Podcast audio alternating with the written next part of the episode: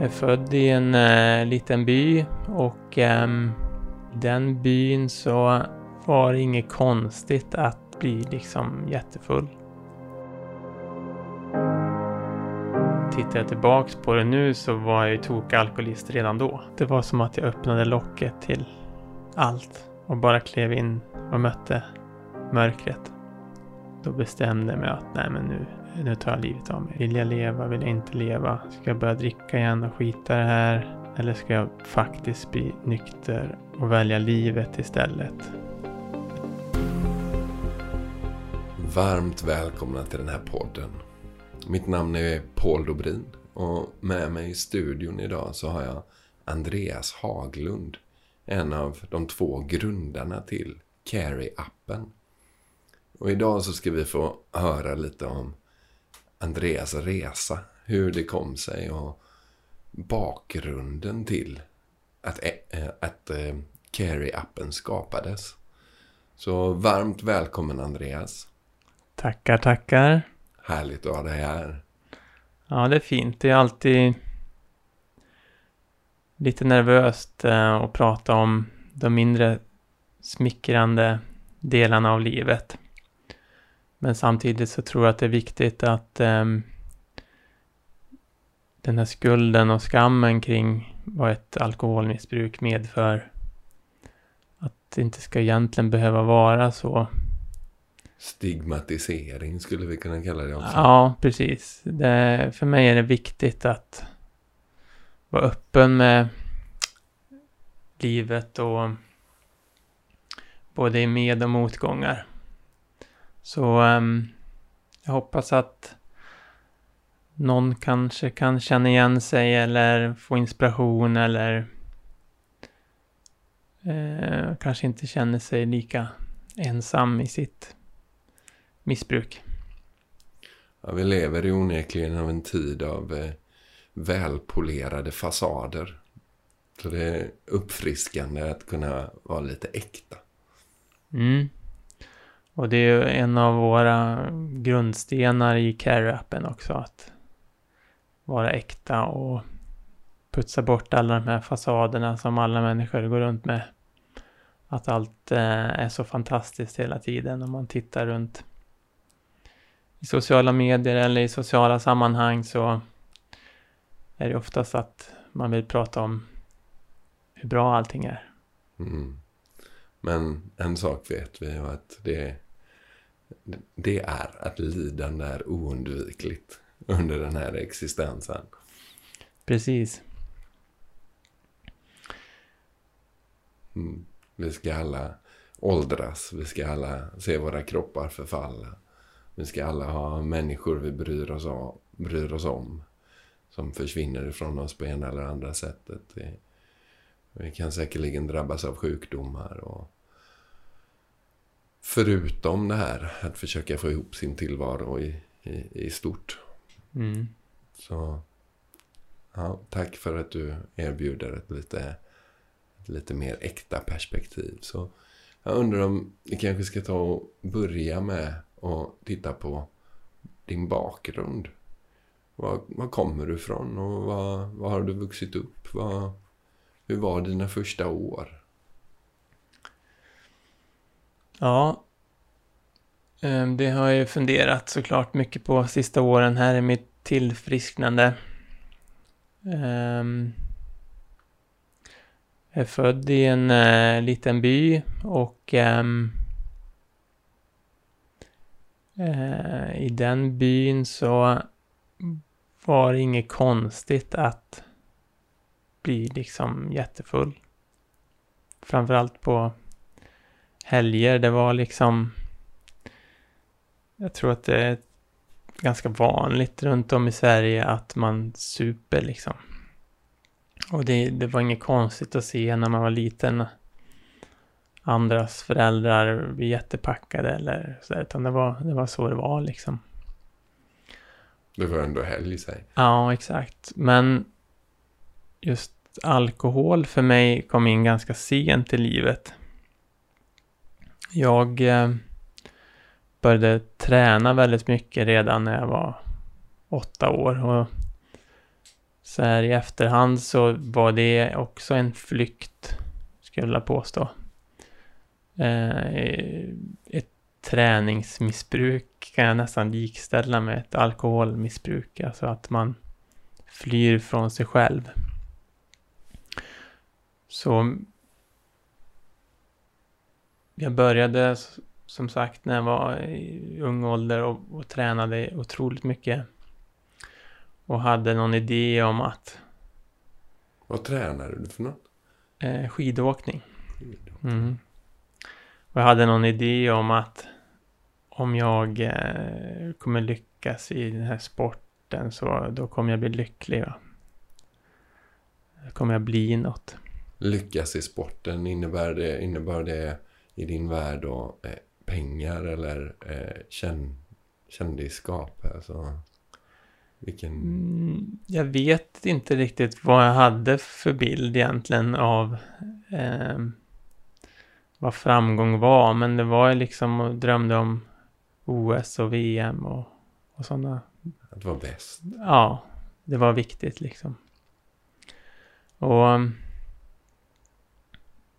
sen insåg jag väl efter ett tag att jag kanske inte tyckte att det var så roligt. Utan eh, det var mera en flykt. Um, uh, som en medicin egentligen. På hur jag egentligen mådde. Mm, hur menar du med medicin? Alltså, om man tittar tillbaks på hur jag har liksom mått hela livet så har det alltid varit någon underliggande känsla av att det är något som inte stämmer. Alltid varit eh, ett surr i huvudet liksom att jag har inte orkat med mig själv liksom. Och tränar man då väldigt mycket då hamnar man i en slags fokus av att bara göra det. Och eh, kroppen blir eh, jättetrött och det är det man fokuserar på. Så det är liksom ett nästan som ett meditativt tillstånd, eh, ska jag vilja påstå. Eh, kommit på nu när jag har blivit nykter och, och jobbar med mig själv att den alltid har funnits där. Ja. Um, men uh, så jag började dricka väldigt sent för jag satsade på idrott istället. Men när jag väl då började dricka så kände jag ju direkt att nu har jag hittat hem. Va? Det är så här det ska kännas. Vid första fyllan? Ja. Det var en kärlek vid första ögonblicket. Jag kände verkligen hur eh, jag blev avslappnad. All oro, all ångest borta. Bli modig. Självförtroende. Som en helt ny värld öppnades. Och det kändes ju verkligen som att shit, varför har jag inte hittat det här innan? Men du blev inte, alltså det blev inte ett problem med en gång? Nej, det blev inte ett problem med en gång. Men däremot så blev jag alltid för full liksom. Redan från början? Ja, jag ville alltid ha liksom mer. Men sen kunde det liksom, jag kanske drack en gång i månaden och så, men men men eh, varje gång så var det mig hem, liksom.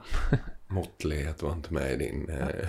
Nej, och det har ju någonting som har speglat hela livet att jag kan inte göra något måttfullt, egentligen ingenting. Eh,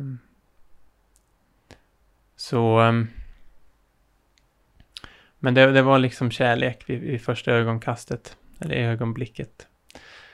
Sen började jag plugga på universitet och då var det ju inget konstigt att man var ute och festade fyra dagar i veckan. Alltid bli packad.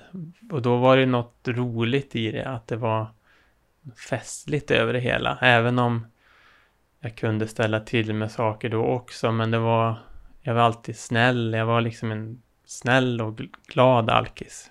Redan då, fast jag fattade inte att jag var alkis. För jag skötte ju skolan och jag gjorde ju som alla andra, bara var ute och partade. Men tittar jag tillbaks på det nu så var jag ju tokalkoholist redan då. Och, och hur definierar du alkoholist då? Är det just mått, måttligheten som är... I min värld är det att när jag väl har börjat så kan jag inte sluta. Ah, Så ser jag på det, att man tappar kontrollen. Något annat tar över. Jag kunde liksom inte dricka två, tre, fyra öl sådär och sen var det bra, utan då var det all in. Och visste jag att det bara fanns möjlighet att dricka två, tre öl, då, då sket jag i det. Hellre. För jag ville åt den här fyllan. Det var liksom den jag ville åt och det var där jag trivdes som bäst när allt var bara avstängt. mm. Och någon gång hamnade jag i fyllecell när jag pluggade i Uppsala. Men jag insåg ju inte alls då att att jag skulle ha någon typ av problem liksom. Utan det var bara otur. Och Det kan väl vara en liten, liten del av eh, studentlivet också. Det hör på något sätt till att eh, studenter ska bli Ja, exakt. Och det var, det var inga konstigheter med det liksom. en del av kulturen. Mm. Sen hände det en grej. Jag hade en kille som bodde i samma lägenhet. Vi bodde i en stor lägenhet när vi pluggade där så han var också ute och festade mycket och såg mer och mer att han började må liksom sämre och sämre. Han blev liksom deprimerad och tappade lite skolan och sådär. Och hade hänt väldigt mycket i hans liv också. Och till slut så hoppade han framför ett tåg och Ouch. ser jag tillbaks på det så så var, alkoholen hjälpte ju inte honom direkt, om man säger så. Eh, men det var liksom i min omgivning så, så festade man. Och det var inga konstigheter. Och sen när jag började jobba så har alltid varit otroligt fokuserad på liksom prestation och det har varit väldigt viktigt att prestera och eh, först var det idrotten och sen var det skolan och sen så var det jobb och då ville jag alltid vara bäst och för att jag hade så otroligt dålig självkänsla tror jag att det var. Att jag, jag måste kompensera en dålig grund med prestation och det... Wow, intressant. Mm. Så, så om, om känslan av ett eget värde inte riktigt finns där så går det att återfå den i någon form av bekräftelse av att ha presterat istället.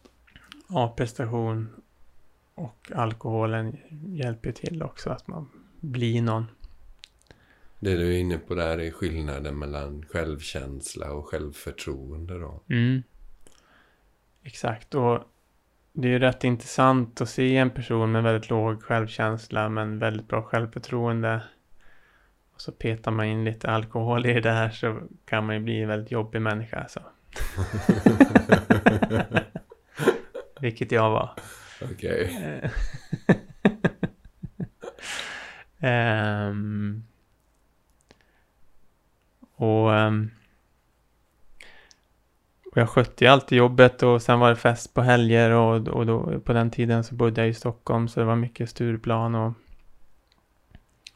och heller inga konstigheter att man festade mycket. Det var bara så det var. Eh, och så kanske man fick höra någon gång så här, man kanske har lite dåligt ölsinne eller... Men oftast så var det liksom roliga saker som hände. Men jag började må sämre och sämre hela tiden. Och insåg väl där vid 30-årsåldern att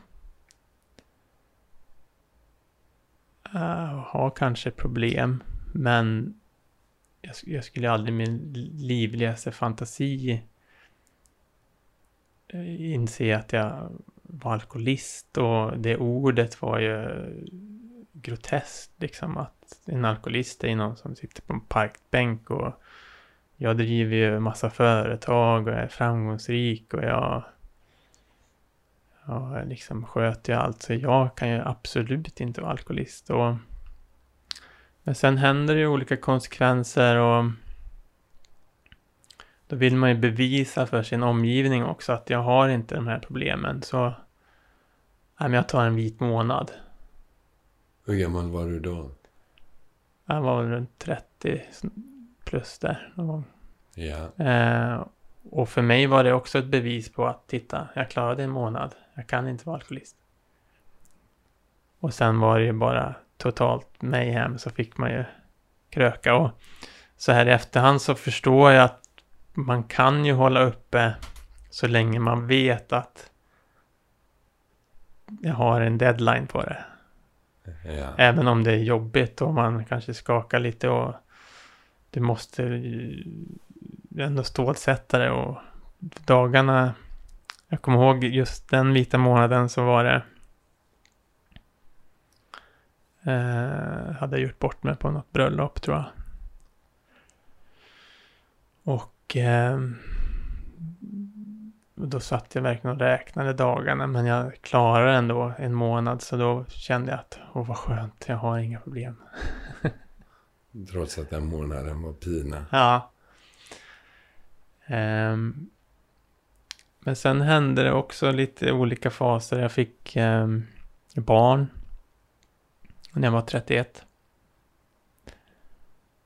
Och min omgivning, mina kompisar började skaffa barn och familj och, och många liksom lugnade ner sig och man, man hade kanske festat mycket men man hade inte samma problem som mig utan man kunde, Kunde välja bort det. ja, för att man fick något viktigare i livet liksom.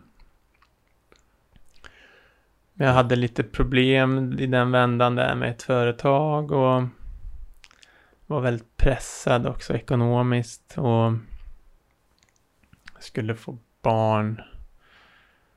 Och då började jag dricka hemma själv för första gången. Vin.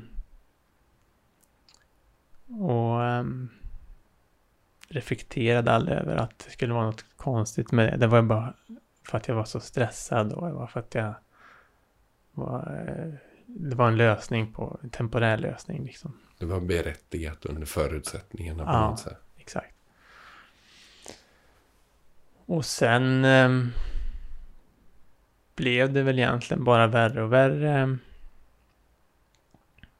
Jag kunde knappt gå på fester längre för jag visste att det här kommer aldrig gå liksom. Jag, Men, och, och det som aldrig gick var att du Äh, gjorde bort dig på ja, men jag då? blev alltid för full och odräglig och alltså jag var snäll men jag var, jag blev liksom en annan person. En jobbig jävel. Påverkade det dina relationer med... Ja, självklart. Min eh, sambo var ju alltid nervös. Så fort vi skulle eh, iväg någonstans på någon middag eller på någon tillställning så gick hon på tå liksom. Och var nervös över hur, hur mitt tillstånd var. Vad ska han hitta på nu? Ja, Okej. och eh, sen började det hela eskalera. Det var, det var ingen riktigt som förstod vilka problem jag hade och jag Inte ens sambor? Nej, hon, för hon förstod heller inte att, att vad en alkoholist var eller och hon såg och vi pratade väldigt mycket om andra problem liksom att ja men det är för att, att det är för det här jag dricker eller det är för det här jag dricker eller jag, för att få ett lugn eller för att slappna av eller alltså det var och sen såg hon såklart inte allt heller på slutet med att jag gömde hade flera bag-in-box hemma och jag liksom drack ju mycket mer än hon såg liksom. vi kunde ju liksom dela på en flaska vin till middagen och så helt plötsligt var jag jättefull liksom. Ja. Då hade du... Och hon undrade vad, hur, hur kan du bli full liksom? Nej men du vet jag är lättpåverkad. Men egentligen så hade du... Vart och tutat i köket och kanske tagit innan och du vet. Allt sånt. Vad- Hur, vad- hur känns det när du pratar om det här nu?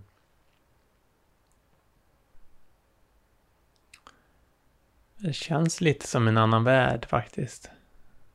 Eh, s- som att har det verkligen hänt? Men eh, det är därför det är viktigt att, att prata om det för att komma ihåg de här sakerna. Ehm, men eh, summa summarum var ju att det eskalerade där på slutet. Otroligt deprimerad. Jag tyckte liksom att jag hade uppnått det jag hade drömt om i livet. Jag hade köpt ett jättefint hus, jag hade råd med en fin bil, jag hade företag som rullade, jag hade jättefin familj. Och ändå var jag så otroligt deprimerad. Du hade tickat de där boxarna liksom. Som, trodde, som jag trodde skulle göra mig lycklig. Och det blev som att jag levde bara i ett stort mörker av den här alkoholdimman. Och den energin är så otroligt mörk alltså. Det, det är som ett stort svart moln som är runt omkring. I alla fall för mig var det så. Och kom liksom inte ur den här dimman. Men till slut så ställde jag till med några grejer och fick liksom ett litet uppvaknande att nej, jag är, jag är nog alkoholist alltså. Och den sorgen var så enorm alltså. Och bara förstå att jag kommer aldrig mer kunna dricka igen. Det är min bästa polare i livet och den bara tänka sig att va, kommer jag aldrig mer kunna grilla, ta en bärs. Bara, nej, det, det, nej, det pallar jag inte liksom. Det kommer jag, jag vill inte liksom. Och vad, vad ska jag göra istället? Det är det här jag har. Det är det här jag har liksom. Att hålla handen. Minns du när det var? Alltså är det ett specifikt tillfälle som insikten landade? Ja, jag fick en känsla av att om jag, gjorde, om jag drack igen då skulle jag bli lämnad av familjen. Som att det var min sista chans liksom. Eh, så det bara kom till mig och då ringde jag runt till familj och vänner och berättade att jag har slutat dricka, jag är alkoholist. Jag har slutat nu liksom. Och det, och det kändes otroligt skönt att ha gjort det och Men sen så gjorde jag liksom inte någonting åt det liksom, utan jag bara slutade. Och jag tyckte att ja, men det här ska jag klara på egen hand. Jag har klarat mig själv hela livet, så jag det här ska jag nog klara själv liksom. Jag behöver ingen, behöver ingen hjälp. Och det gick jättebra i några månader och jag började må bättre och det kändes skönt ändå. Men sen så, eftersom jag inte gjorde någonting åt grundproblemen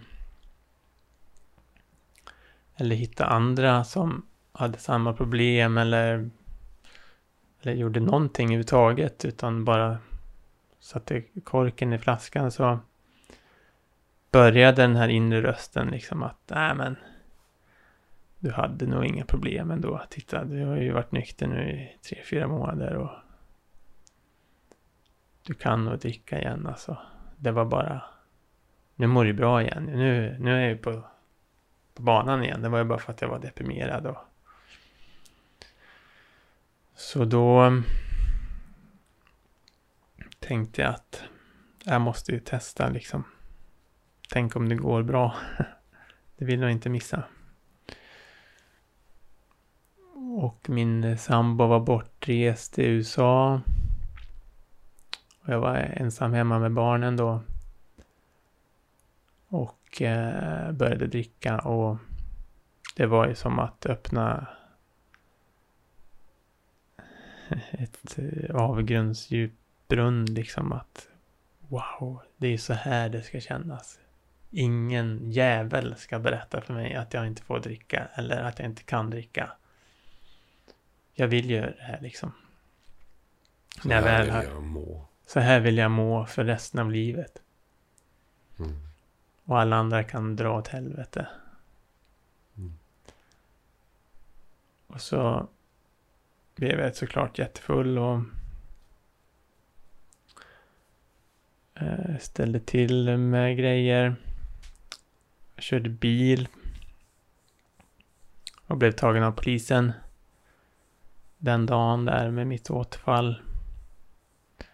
Och eh, hamnade i fyllecellen på kvällen där. Och eh, när jag vaknade upp där så när jag insåg vad jag ställt till med då då bestämde jag mig att nej men nu nu tar jag livet av mig. Det här är oförlåtligt och Och, var, var barnen hemma då? jag hade ett barn i i bilen då när polisen hon var sex år då. Och det är ju ett minne som eh, och en händelse som jag aldrig kommer liksom eh, bli fri ifrån. Men eh, så här efterhand så på ett sätt var det bra att det hände för att jag hade alltid skyllt på eller jag hade liksom en bakdörr hos mig själv att jag gjorde aldrig någonting mot någon annan. Jag gjorde det bara mot mig själv. Så därför så rättfärdigade jag med mitt drickande. Det är bara mitt problem. Det är bara mitt, jag gör ingenting mot någon annan och Men det var första gången då som det slog mig i mig själv att Du hade ju kunnat skada din dotter som du älskar mest i hela världen. Och då Mm. försvann liksom Rasade min bild av att Det är mitt rättfärdigande då. Och jag reflekterade ju aldrig när jag drack att jag skadade min sambo. Om hon såg mig helt utslagen i soffan liksom en onsdag. Det var bara dig själv du gjorde det. Ja, det ska väl hon skita i liksom. Och, och det är ju någonting som jag också får leva med nu att sådana här saker som kanske inte man tycker själv att man gör något mot någon annan men man gör det ändå. Och det är fruktansvärt att leva ihop med någon som man inte kan lita på eller som man ingen aning vad jag ska hitta på liksom eller och ehm, Så du kan, du kan sätta dig i hennes perspektiv nu på ett annat sätt än vad du kunde innan eller? Ja, exakt. Och det handlar ju väldigt mycket om att be om förlåtelse och gottgörelse och framförallt eh, förändring på riktigt liksom. Och- Så det, det var din, det var din stora Ja, wake-up call skulle man kunna säga. ja, men jag skulle säga att det riktiga wake-up callet var fyra, fem dygn efter den där händelsen. Då var jag instängd i ett mörkt rum och valde mellan liv och död.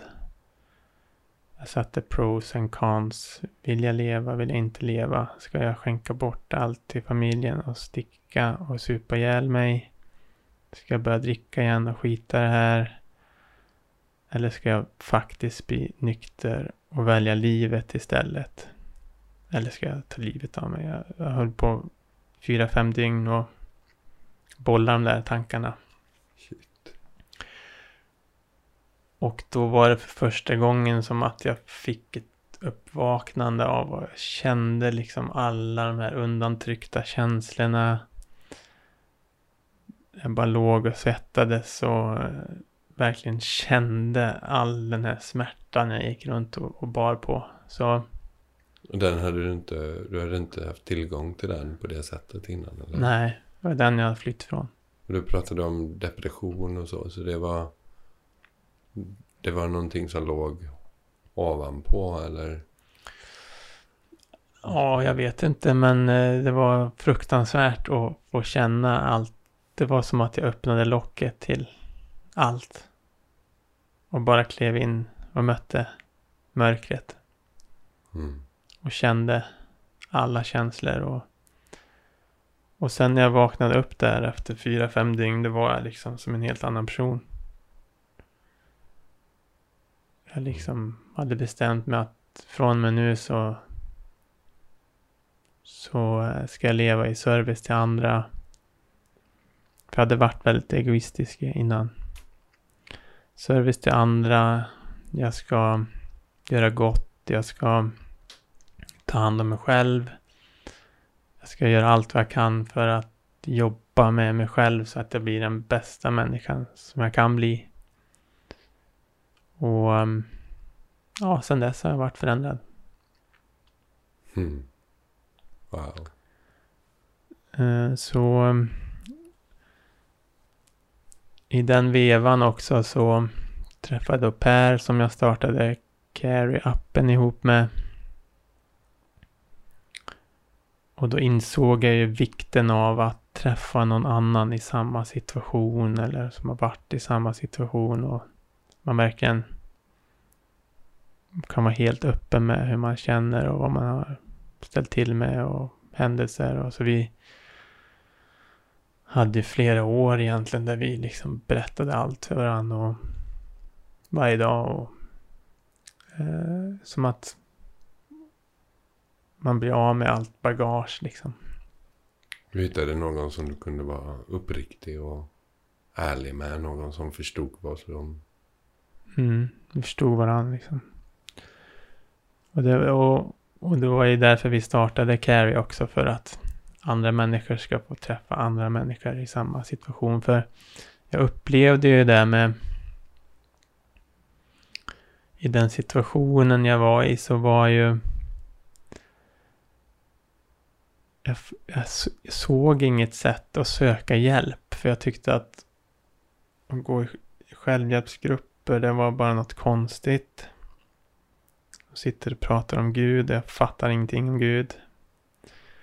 Och när jag var på några möten så och skulle göra ett program så fastnade jag på att ja, du måste hitta Gud. Så bara, jag bara, hur hittar jag Gud liksom? vad är det för något? Mm.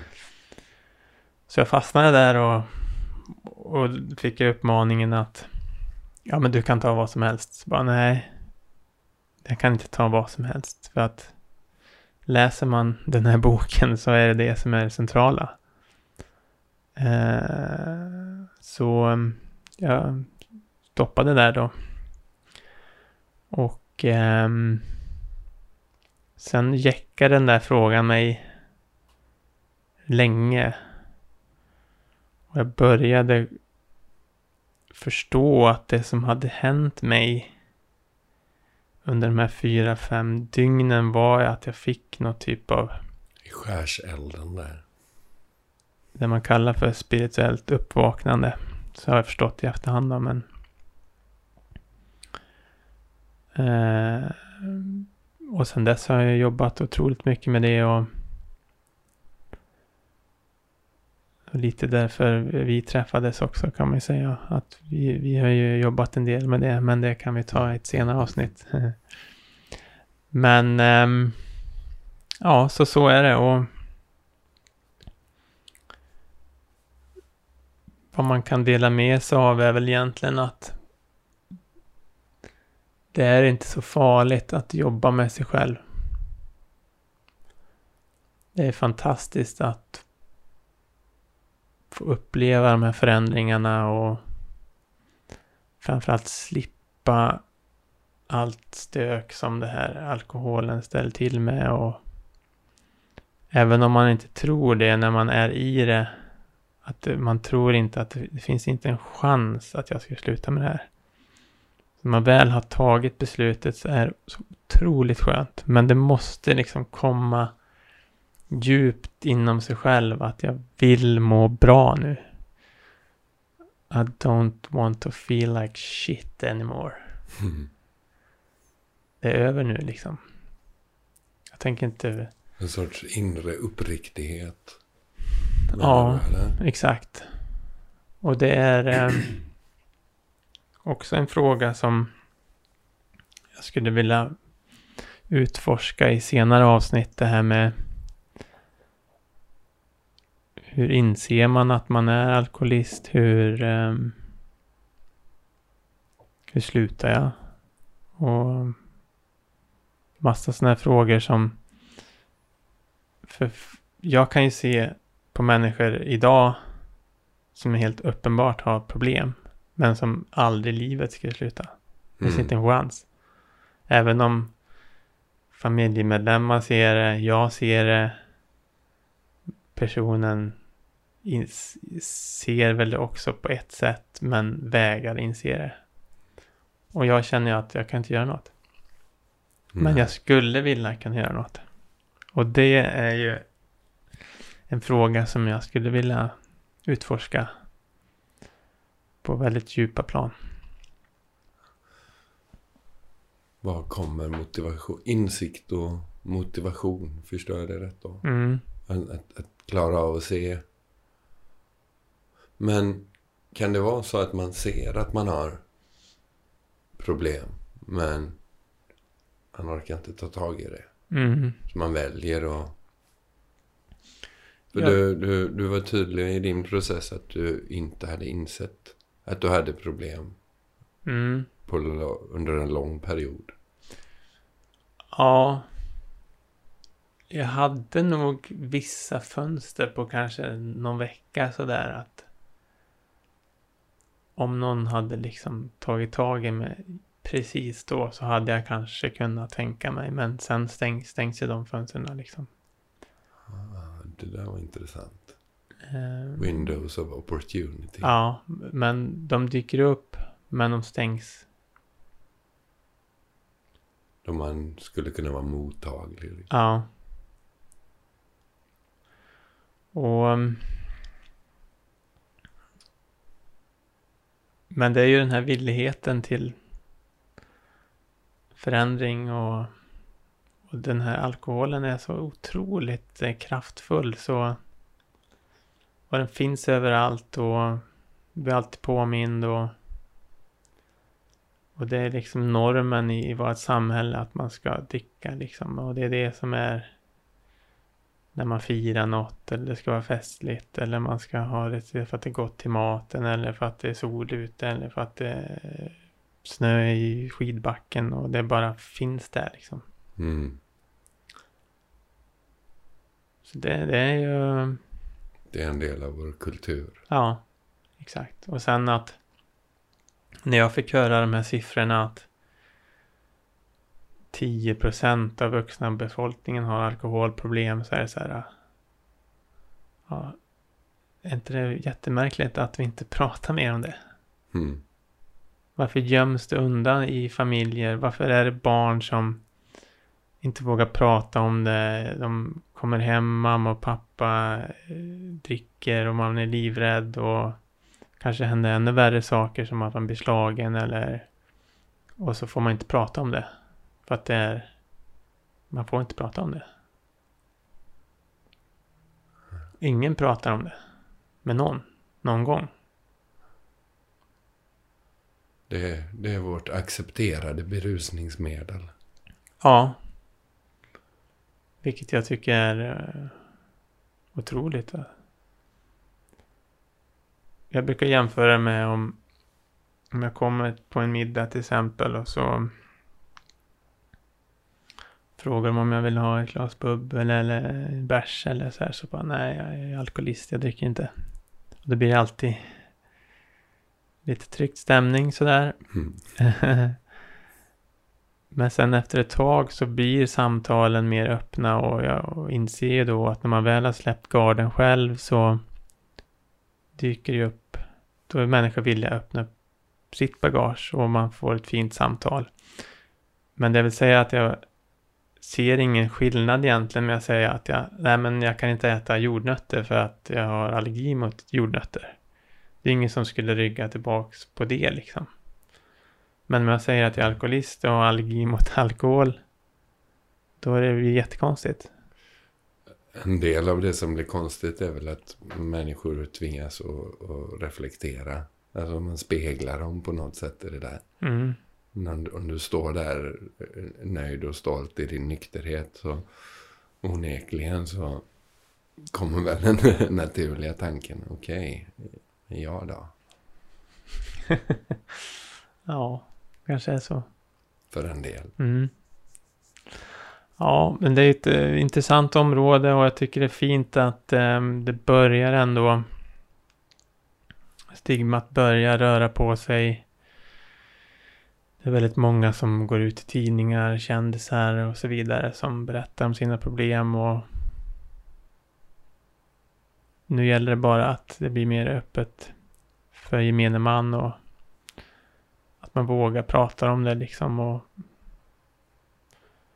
för det, det är ju ett sånt enormt stort problem egentligen över hela världen.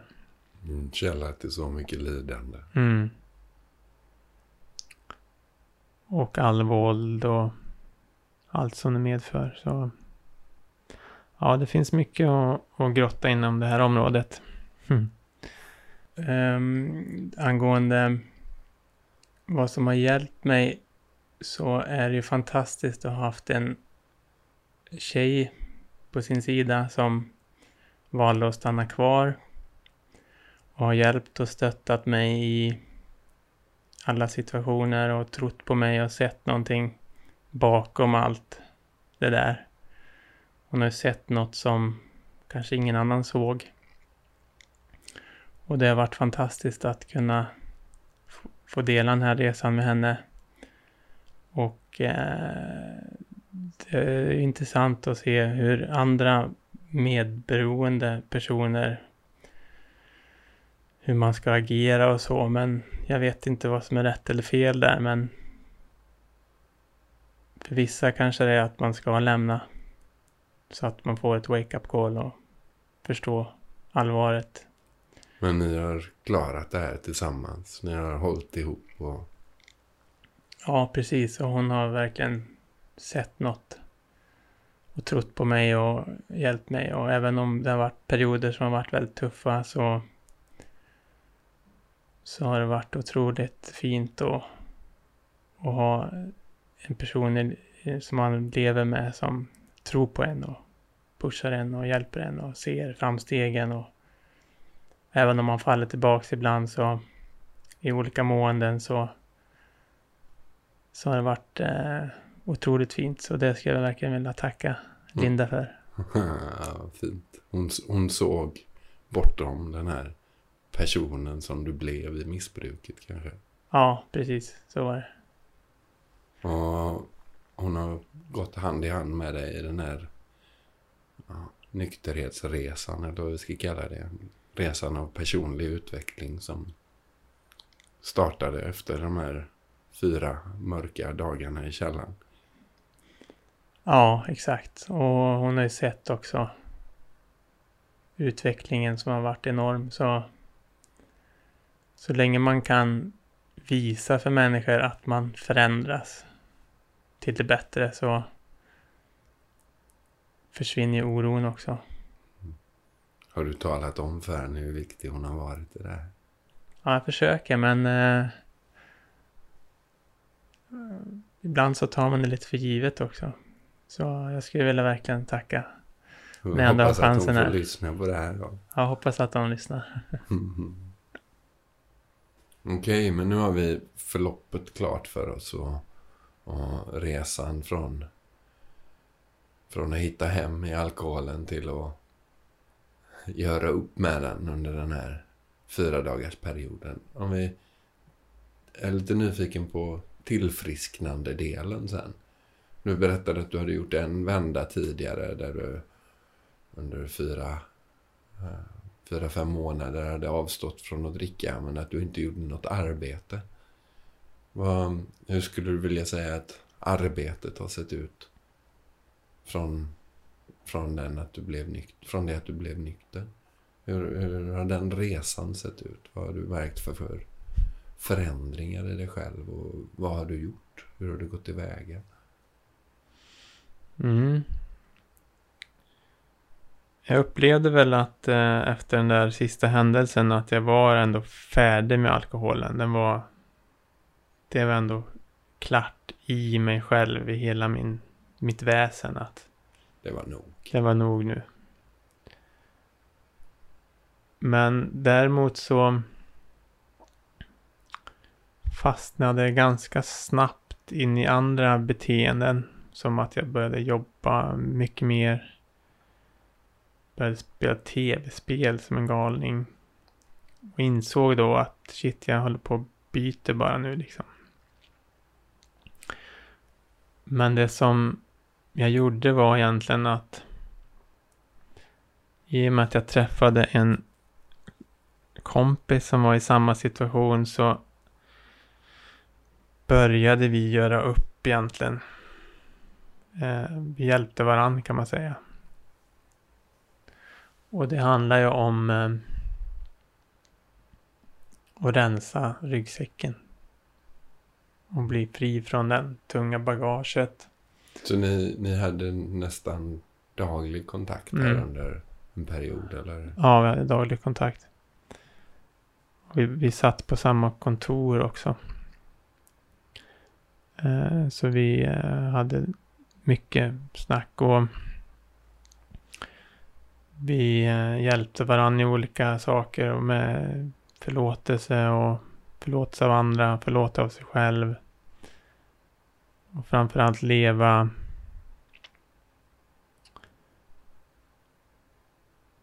inte för sitt eget ego utan att man börjar leva och hjälpa andra. Vilket är otroligt viktigt. Men sen, det var liksom första delen och sen blev jag ju mer och mer intresserad av, vad ska vi säga, universum. Eller vad ska kalla det. Universum. Eh, att eh, det är inte jag, den här personen eller egot som styr den här skutan längre. För det hade jag ju testat i 37 år och det hade ju inte funkat. Så att jag lämnade över till något annat. Och eh, den största skillnaden ska jag vilja säga var att när jag insåg att när jag kunde hoppa ut från mitt eget huvud. Vad menar du var- med hoppa ut från mitt eget huvud? Eh, Men jag upplevde att när jag var i mitt eget huvud och mina tankar så var det terror. Det var Ja. så mycket som pågick där uppe så jag om jag lämnade över och hamnade i hjärtat istället. Och jag kunde frikoppla huvudet egentligen.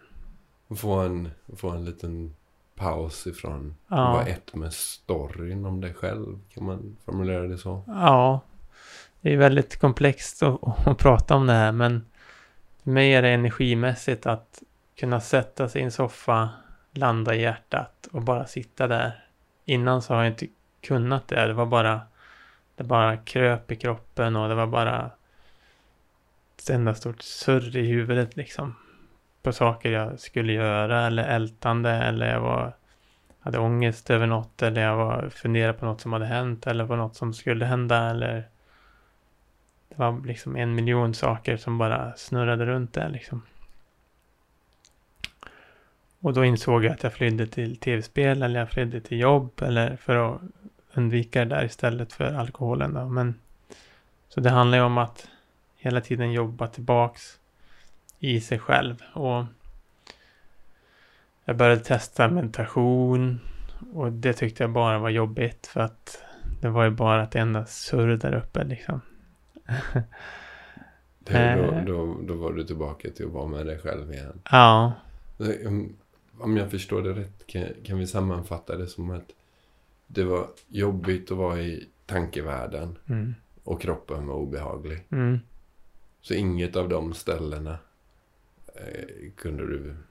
vila i liksom. Nej, exakt. Men sen hittade jag ett sätt och det var att jag började gå ut i skogen. Jag hittade en runda vid mitt hus som jag började gå varje dag. Och jag började gå långsamt och började studera naturen och kunde sätta mig ner och kolla ut över havet. Jag kunde verkligen pausa hela systemet egentligen och att vara ett med naturen och då insåg jag att jag är en del av allt det här. Jag är inte separerad från det. Mm. Som jag har trott hela livet. Och um, sen dess så har det blivit min dagliga praktik att jag försöker vara ensam och verkligen gå långsamt och känna att jag är en del av något än att jag är separerad från något. Skulle man kunna kalla det att vara i, i närvaro i motsats till att vara i tankevärlden som är ofta i det förflutna, som du sa, älta gamla saker eller katastroftänk eller mm. planerande eller scenarion. Ja, ja, var alltså- naturen ditt sätt att få, få landa här och nu? Ja, det var det som hjälpte mig med de bitarna. Och sen när jag väl lärde mig den tekniken så har jag börjat kunna göra meditationer. Ha. Och för mig är det viktigt att inte vara i mitt eget huvud, för det är ingen bra plats. Ha. Och vad mm. hjärtat, alltså du, du beskriver det som att du var en del av naturen, en del av... Är det... Det låter som du är inne på någonting om en identitetsfråga där. Vad, mm. vad, vad, vad du ser på dig själv, hur du definierar dig själv. Ja, det är en djup fråga. mm. Men innan så var jag fast i storyn om mitt eget liv. Att jag var huvudpersonen. Det var jag som bestämde allt. Styrde, kontrollerade. Styrde den här skutan. Ansvarig. Men gjorde det jävligt dåligt. du var både den skyldige och den, eh, den beundransvärda vid med och motgångar. Ja, exakt. och nu så ser jag mig själv att jag är en del av allt och allt hänger ihop. Jag är inte separerad från något utan jag är en del av något. Vilket gör det lite mer behagligt och även med andra människor, andra djur, naturen. Mm. Uh, verkligen sitta och njuta av allt det här fina som finns. Innan så har jag bara tyckt att det är jobbigt med allt och men sen en annan sak som också har hjälpt mig otroligt mycket är att jag har träffat massa människor som har hjälpt mig i olika sammanhang. Och eh, vi har kommit fram till att jag är en empath heter det på, på engelska, men hög sensitiv person. Mm. Vilket är helt nytt.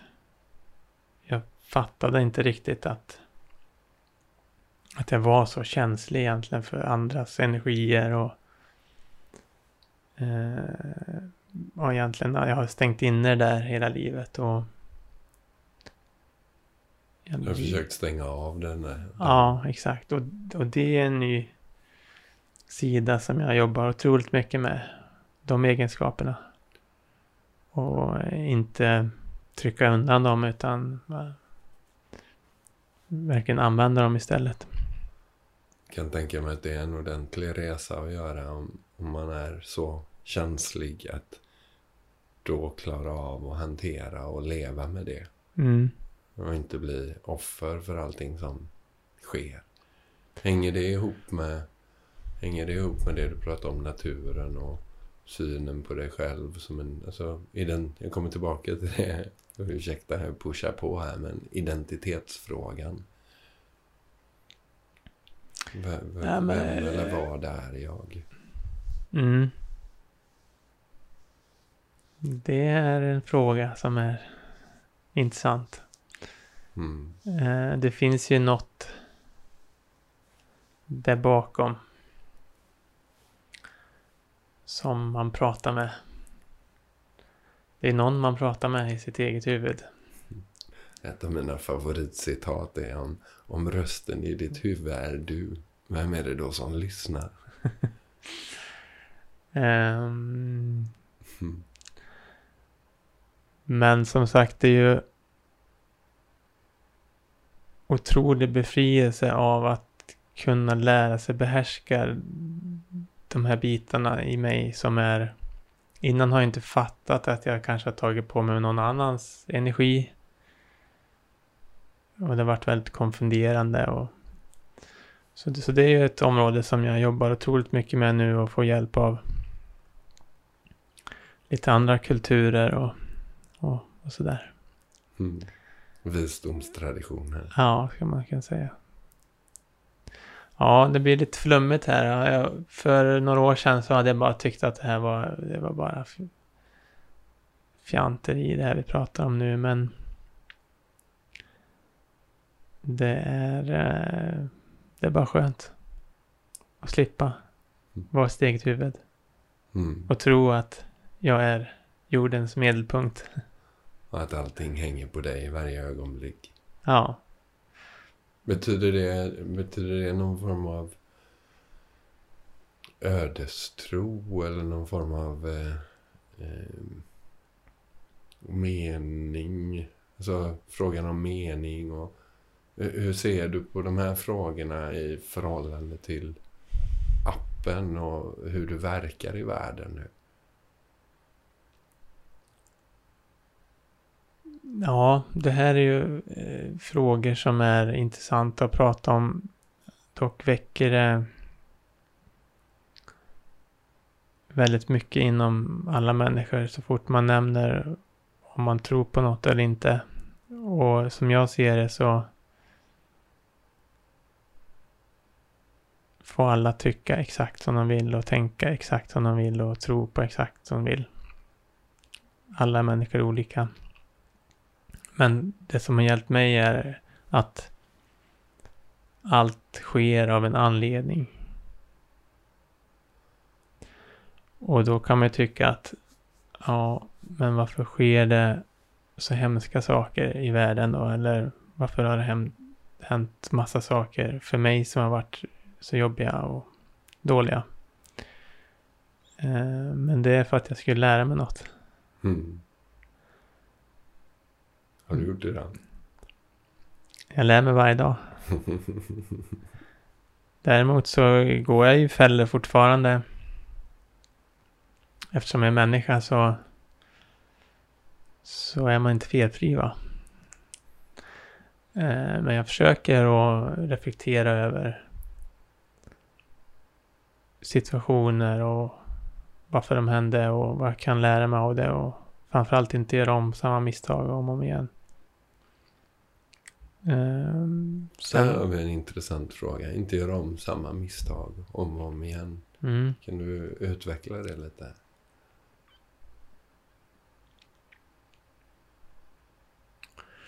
men jag kan ta ett exempel. ehm. Så fort jag gör någonting som kommer från platsen girighet. Då går det alltid dåligt.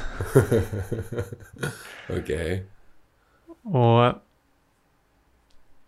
jag har hållit på en del med aktier till exempel och då så blir jag girig och tänker att jag vill att eh, jag vill ha något och då agerar jag utifrån egot och då går det alltid dåligt. Däremot så agerar jag från en plats av en känsla av att okej, jag vill investera i den här aktien för att den kan hjälpa andra människor och jag kanske inte kommer tjäna mycket pengar på det men jag gör det utifrån en annan plats. Då går det oftast bra.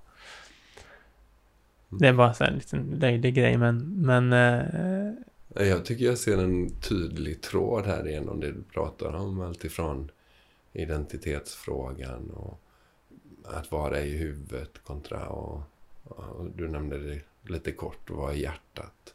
Och, och, även frågan om vi styr, om vi påverkar saker, om, om det händer för en mening.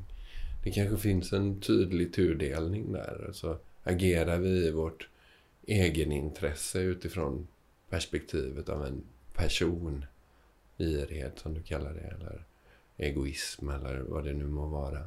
Kontra att vi på något sätt är utifrån någonting som är lite större än oss själva. En plats av omtanke och värme eller välvilja då. Ja, jag skulle påstå att så fort jag hamnar snett i de där bitarna, då går det inte bra.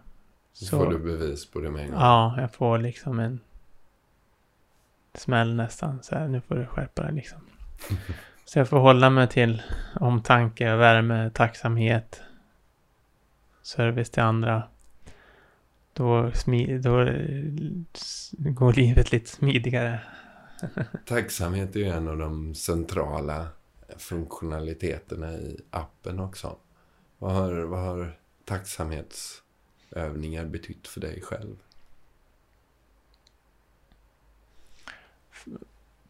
Från början så tänkte jag att eh, vadå, det är väl inget speciellt liksom. Vadå tacksamhet? Jag vill... Men ju mer jag har jobbat med det där så inser jag ju att det är otroligt kraftfullt. Alltså, otroligt kraftfullt. Du kan ju faktiskt ändra hela din värld genom att du får in mer tacksamhet i livet. Och då kan man ju tycka så här, men om jag har ett liv som är så hemskt och det finns inget att vara tacksam över så finns det alltid någonting att vara tacksam över. Mm. Um, så det är verkligen en game changer för mig att uppleva tacksamhet. För innan har jag inte varit tacksam över någonting egentligen. Så fort det hände någonting som gick min väg eh, så tänkte jag alltid att ja men det kan ju alltid gå bättre eller jag vill ju ha mer och alltid mer, mer, mer, mer. Mm. mer är mycket bättre. och med, med tacksamhet där, så för er som lyssnar, om, om, om ni som vi har stått inför den frågan när livet känns eh, stökigt och, och, och jobbigt och man befinner sig på en dålig plats och man verkligen inte kan hitta någonting att vara tacksam över. Då kan man använda den omvända eh, approachen till tacksamhet. Man kan fortfarande vara tacksamhet över att det inte är värre. Mm. Man kan vara tacksam över hemska saker som skulle kunnat ha hänt, men som inte har inträffat. Om vi inte har ljusen eller kraften i att se på det vi har som positivt så kan vi i alla fall börja med att eh, fokusera på det som hade kunnat vara värre. Och jag kan ju känna tacksamhet idag över de värsta sakerna som har hänt i mitt liv. När jag ser på det utifrån perspektivet att bara, wow. Mm. Wow, vad jag fick lära mig här.